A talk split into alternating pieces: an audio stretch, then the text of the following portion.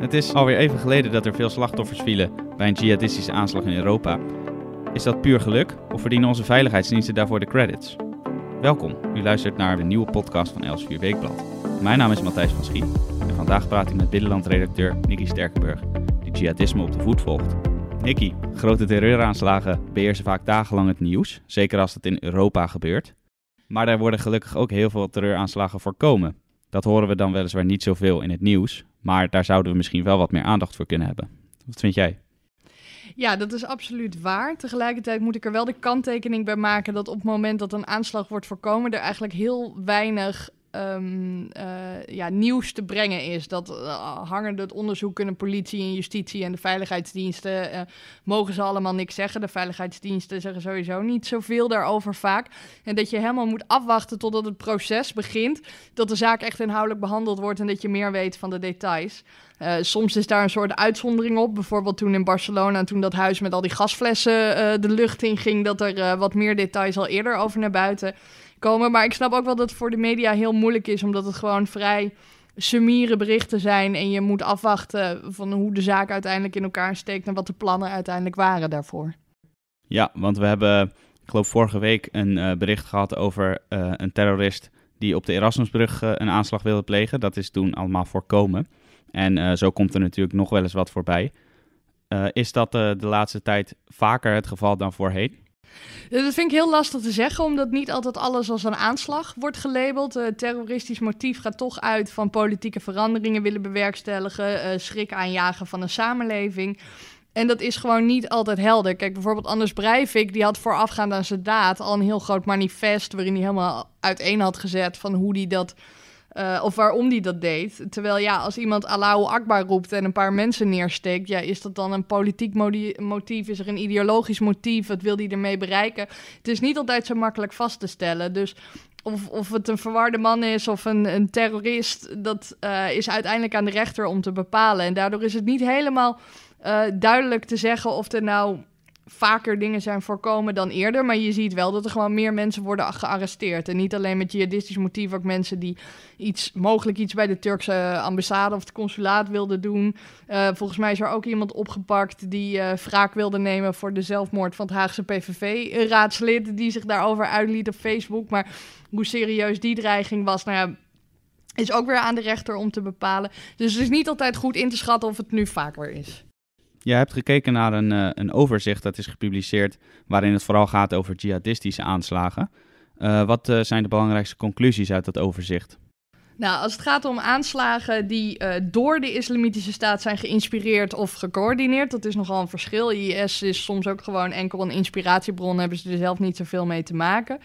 Dan waren er in 2016 voor het Centrum voor Analysme van Terrorisme in of Centrum voor Analyse van Terrorisme in Parijs, 14 succesvolle aanslagen en 40 werden voorkomen.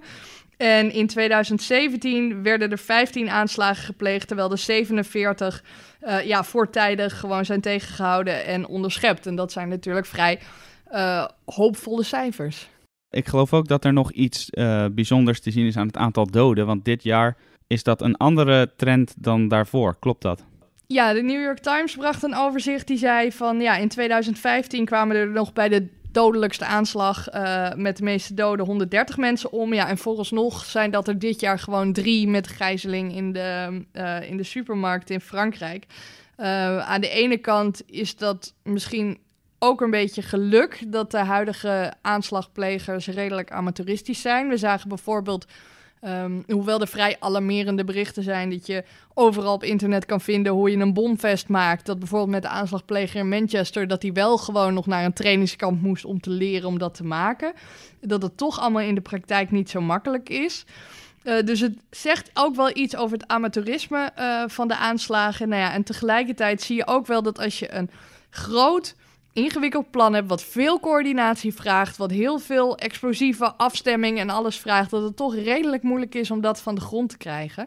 En je ziet dat als men dat wil, dat ze dan toch zijn aangewezen op moderne communicatiemiddelen. Dus Telegram, eh, de dark web, uitwisseling via e-mail. En dat de veiligheidsdiensten en de politie daar toch best wel goed in zijn geïnfiltreerd inmiddels. Dat klinkt goed. Klinkt in ieder geval uh, als een reden om daar optimistisch over te zijn. Maar we weten natuurlijk niet wat er gaat gebeuren.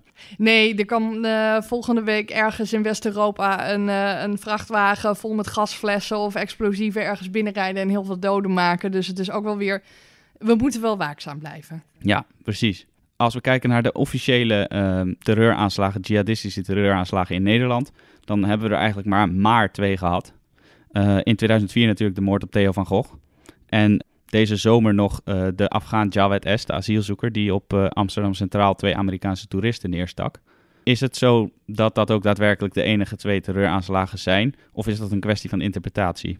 Uh, het is ook een kwestie van interpretatie, want de Haagse steker ja, die riep ook uh, Allahu Akbar op de Haagse Hogeschool, waarvan je ook kan zeggen van nou, misschien is het een terroristisch motief. tegelijkertijd hebben we natuurlijk ook nog de brandbom naar de moskee gehad. we hebben Karstee gehad, die Um, is uiteindelijk niet gekwalificeerd als een aanslag, maar die ook op de koninklijke familie in probeerde te rijden. Dus het is een kwestie van interpretatie en het is uiteindelijk aan de rechter om te bepalen of het een aanslag iets is of niet. Maar er zijn natuurlijk ook een hoop grensgevallen. Uh, denk bijvoorbeeld uh, Volkert van de G. Van ja, heeft toch een politicus omgelegd, dus het gaat toch om het bewerkstelligen van politieke veranderingen. Um, dus in die zin uh, is het nog steeds gewoon uh, uiterst hellend vlak om te bepalen of iets een aanslag is of niet. En ben ik ook blij dat dat gewoon bij de rechter ligt om daar een oordeel over te vellen. De cijfers geven een voorzichtige reden om uh, een pluim te geven in ieder geval aan onze opsporings- en veiligheidsdiensten. Maar zoals jij al zegt, laten we vooral hopen dat ze waakzaam blijven, want nou ja, dat kunnen we goed gebruiken. Gezien alle budgetten die ze erbij hebben gekregen bij de AIVD heb ik hoge verwachtingen van ze. Hartelijk dank, Nicky, voor jouw toelichting. U hoorde dus zojuist Nicky Sterkenburg. Ik sprak met haar over terreur en hoe de veiligheidsdiensten dat een halt proberen toe te roepen. Meer commentaren van Elsevier Weekblad vindt u in het magazine of op elsevierweekblad.nl.